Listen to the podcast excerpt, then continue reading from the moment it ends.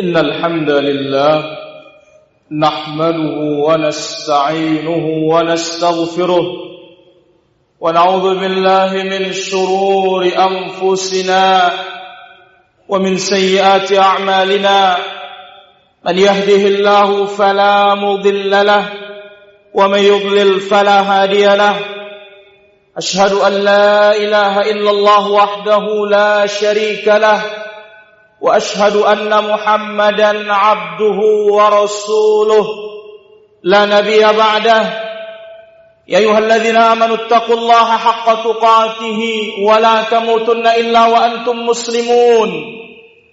يا أيها الناس اتقوا ربكم الذي خلقكم من نفس واحدة وخلق منها زوجها وبث منهما رجالا كثيرا ونساء واتقوا الله الذي تساءلون به والأرحام. إن الله كان عليكم رقيبا. يا أيها الذين آمنوا اتقوا الله وقولوا قولا سديدا. يصلح لكم أعمالكم ويغفر لكم ذنوبكم. ومن يطع الله ورسوله فقد فاز فوزا عظيما. أما بعد فإن أحسن الكلام كلام الله. وخير الهدي هدي محمد صلى الله عليه وسلم وشر الأمور محدثاتها وكل محدثة بدعة وكل بدعة ضلالة وكل ضلالة في النار معاشر المسلمين jamaah salat Jumat yang dirahmati Allah Subhanahu wa taala. Pertama-tama inilah hari yang mulia yang sepantasnya kita sambut dengan kemuliaan dan kesenangan. Sebagaimana dikatakan oleh Imam Al-Ghazali rahmatullahi alaihi, beliau mengatakan, "Awwalu syai'in ibtada'an nasu fil Islam tarkut tabkir ila salatil Jumu'ah." Beliau mengatakan, hal baru pertama dibuat di tengah-tengah kaum muslimin. Kaum muslimin lambat-lambat datang salat Jumat.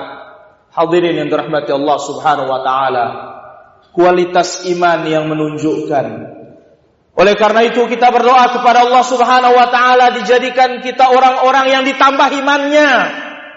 Karena tanpa tambahan iman dari Allah Subhanahu wa taala, amal apa pun dari amal ibadah ini kita tidak bisa akan melaksanakannya tanpa tambahan iman dan bantuan dari Allah Tabaraka wa taala. Salawat serta salam di hari yang mulia kita perbanyak bagi Rasulullah sallallahu alaihi wa ala alihi wa sahbihi wa sallama tasliman katsira ila yaumiddin. Ayuhal muslimun rahimani wa rahimakumullah.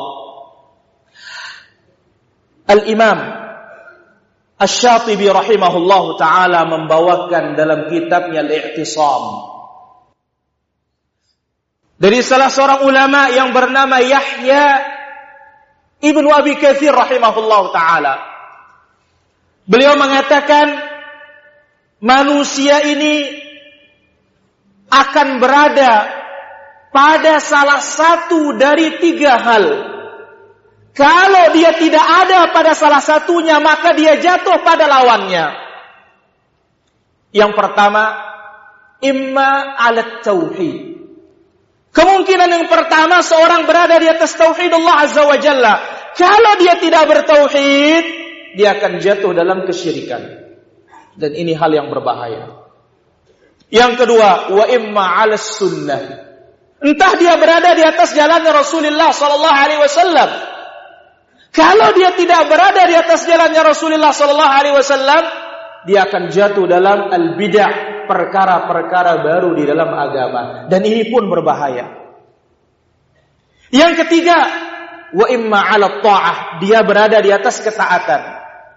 Kalau dia tidak berada di atas ketaatan, maka dia akan jatuh di dalam al-ma'siyah dan ini pun berbahaya juga. Oleh karena itu para hadirin rahmati Allah Subhanahu wa taala, pada khutbah ini khatib ingin mengajak kita semua, diri sendiri, kemudian semua kita ingat jangan lupa apa tujuan hidup diberikan oleh Allah Subhanahu wa taala. Kenapa kita ada di muka bumi ini? Sehingga kita tidak lalai dari tujuan tersebut. Sibuk mencari jalan yang lain. lupa akan tujuan kita diciptakan oleh Allah tabaraka wa taala yang diingatkan di dalam surat Az-Zariyat ayat yang ke-56 wa ma khalaqtul jinna wal insa illa liya'budun aku tidak menciptakan al-jin jin dan manusia kita ini semua melainkan liya'budun qala al al-mufassirun ay liyuwahhidun agar kita mentauhidkan Allah Subhanahu wa taala. Apa kata para ulama menafsirkan ayat ini? Mereka mengatakan ayat ini berita dari Allah Subhanahu wa taala apa hikmah kita diciptakan. Apa tujuan kita dibuat di muka bumi ini? Diciptakannya Adam, Hawa, diturunkan dari surga ke dunia ini. Jangan lupa tujuan yaitu apa? Allah menciptakan kita liibadatihi beribadah. Urusan rezeki tinggal dicari sudah ada. Tapi jangan lupa tujuan. Ibadah kepada Allah Azza wa Jalla wa tauhid. Allah Subhanahu wa taala menciptakan kita bukan seperti apa yang diinginkan oleh raja terhadap rakyatnya atau seorang tuan terhadap budaknya, dibantu, dikasih makan, dikasih rizki, tidak. Tetapi Allah Azza wa Jalla ciptakan kita untuk beribadah dan ibadah itu untuk maslahat kita sendiri, bukan maslahat Allah, bukan juga maslahat siapa pun. Maka dalam ayat ini Tujuan utama Allah Azza wa Jalla menciptakan kita adalah al-ibadah. Wal ibadah ini merupakan tauhidullah subhanahu wa ta'ala. Ditegaskan pula di dalam suratun nisa ayat 36. Allah Azza wa Jalla berfirman. Wa'budullaha wa la tushriku bihi syai'a. Beribadahlah kepada Allah. Janganlah kalian mempersekutukan Allah subhanahu wa ta'ala. Dalam ayat ini dua perintah utama atau dua perkara utama dalam Islam.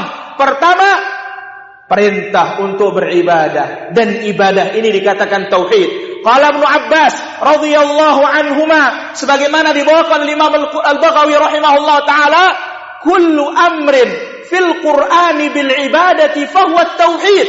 Semua perkara yang disebutkan di dalam Al-Quran berupa ibadah maka itu maksudnya adalah tauhidullah subhanahu wa ta'ala. Kemudian yang kedua, wala tusyriku bihi syai'a. Jangan sekutukan Allah. Apa makna syirik? Sarfu syai'in. Memalingkan sedikit saja dari hak-hak Allah kepada selain Allah subhanahu wa ta'ala. Dan ini akan mengakibatkan hancurnya seluruh amal ibadah kita di hadapan Allah tabaraka wa ta'ala. Tidak ada gunanya kita sholat tidak ada gunanya kita berhaji, tidak ada gunanya kita berpuasa, tidak ada gunanya kita berjihad, tidak ada gunanya kita berinfak. Salat tiang agama, tapi kalau tauhidnya tidak beres, akidah tidak benar, percuma kita beribadah kepada Allah Subhanahu wa taala. Itulah sebabnya para anbiya, para rasul sejak Nabi Nuh alaihi salatu wasallam sampai Nabi kita sallallahu alaihi wasallam yang pertama diluruskan bagi umat ini atau pada umatnya adalah meluruskan akidah mereka terhadap Allah Subhanahu wa taala, terhadap rasulnya, kemudian kitab-kitabnya, kemudian hari kiamat, kemudian malaikatnya, kemudian al-qada wal qadar. Oleh karena itu para hadirin rahmat Allah Subhanahu wa taala taala dalam dua ayat ini kesimpulannya ada pada al-amru bil ibadah wa huwa tauhid Perintah beribadah itu adalah tauhid. Ini tujuan kita diciptakan oleh Allah Subhanahu wa taala. Yang kedua, larangan untuk mempersekutukan Allah dan dia adalah larangan paling besar dan larangan paling berbahaya. Barakallahu li wa lakum fil Qur'anil azim wa nafa'ni wa iyyakum bima fihi minal ayati wadh-dhikril hakim. Aqulu ma tasma'un li wa lakum wa lisa'ilil muslimina min kulli dhanbin فاستغفروه إنه هو الغفور الرحيم. الحمد لله حق حمده.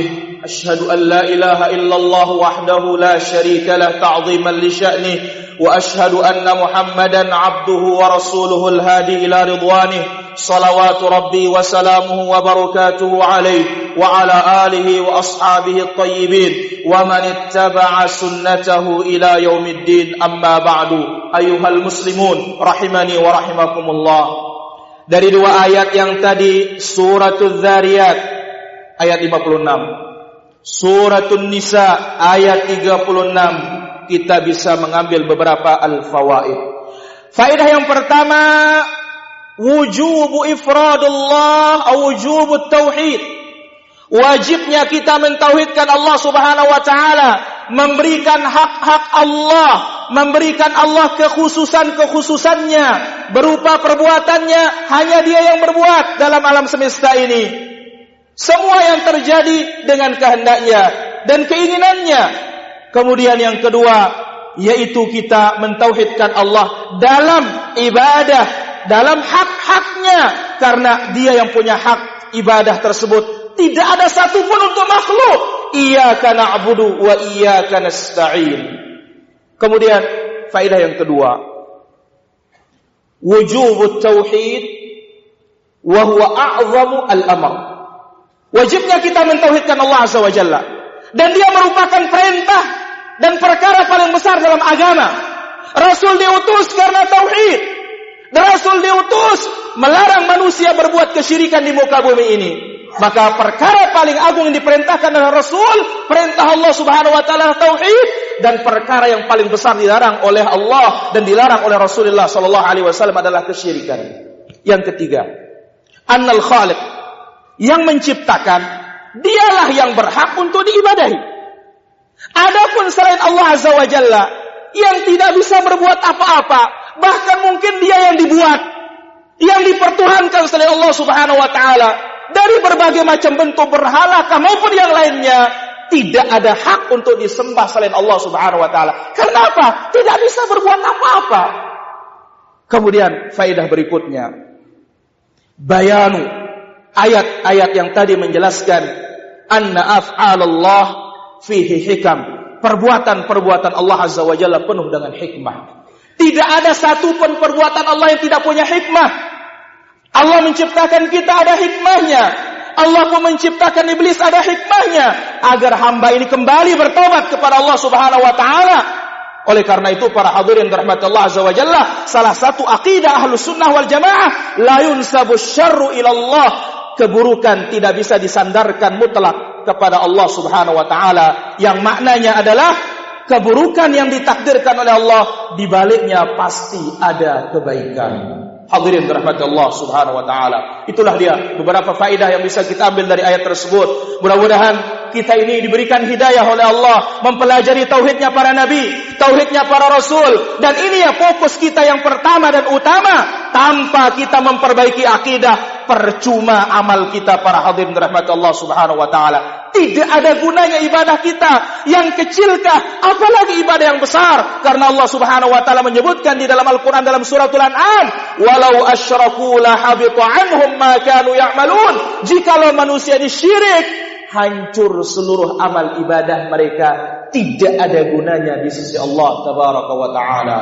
Akhirnya kita berdoa kepada Allah. Semoga Allah Subhanahu wa taala berikan kita taufik mempelajari agamanya, mendalami agamanya, jangan sampai kita hanya sebatas Islam keturunan, tidak pernah mau belajar, tidak pernah mau mengkaji, padahal ilmu Islam begitu luas dan begitu banyak. Allahumma ighfir lil muslimin wal muslimat wal mu'minina wal mu'minat al ahya'i minhum wal amwat innaka samiun qaribun mujibud da'wat wa yaqdi al hajat. Allahumma ati nufusana taqwaha wa zakkiha anta khairu man zakkaha anta waliyuha wa maulaha ya akramal akramin wa ya ajwadal ajwadin. Allahumma ansur ikhwanana mustada'afina fi Suriya. Allahumma وأحقن دماءهم اللهم اشف مرضاهم اللهم أطعم جياعهم اللهم آمن روعاتهم واحفظهم يا ذا الجلال والإكرام. ربنا هب لنا من أزواجنا وذريتنا قرة أعين واجعلنا للمتقين إماما. اللهم أمنا في أوطاننا وأصلح اللهم ولاة أمورنا وارزقهم البطانة الصالحة تعينهم على الخير يا أكرم الأكرمين ويا أجود الأجودين. ربنا أتنا في الدنيا حسنة